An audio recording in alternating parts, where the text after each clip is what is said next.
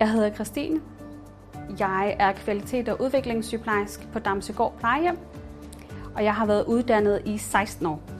Jeg har været på øh, operationsgang på Rigshospitalet på øjenoperationsgangen, og så har jeg været på en øjenklinik, så jeg har faktisk kun haft erfaring inden for øjenverdenen. Jeg var måske lidt nervøs, da jeg startede, og tænkte, åh, kan jeg nu huske alt det andet, og kan jeg nu huske øh, alt om hjertesygdom og lungesygdom? Det ligger der jo. Man har jo alt basisviden fra skolen af, og man har jo også noget mere, og man kan nemt genopfriske sin viden.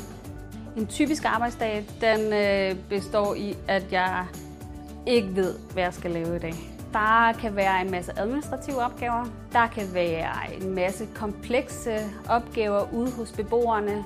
Øh, komplekse sorg for eksempel. Og så står jeg til rådighed for alle mine kollegaer, at de altid kan komme og hive fat i mig, hvis de har spørgsmål. Sig til, hvis der øh, er noget, ikke også?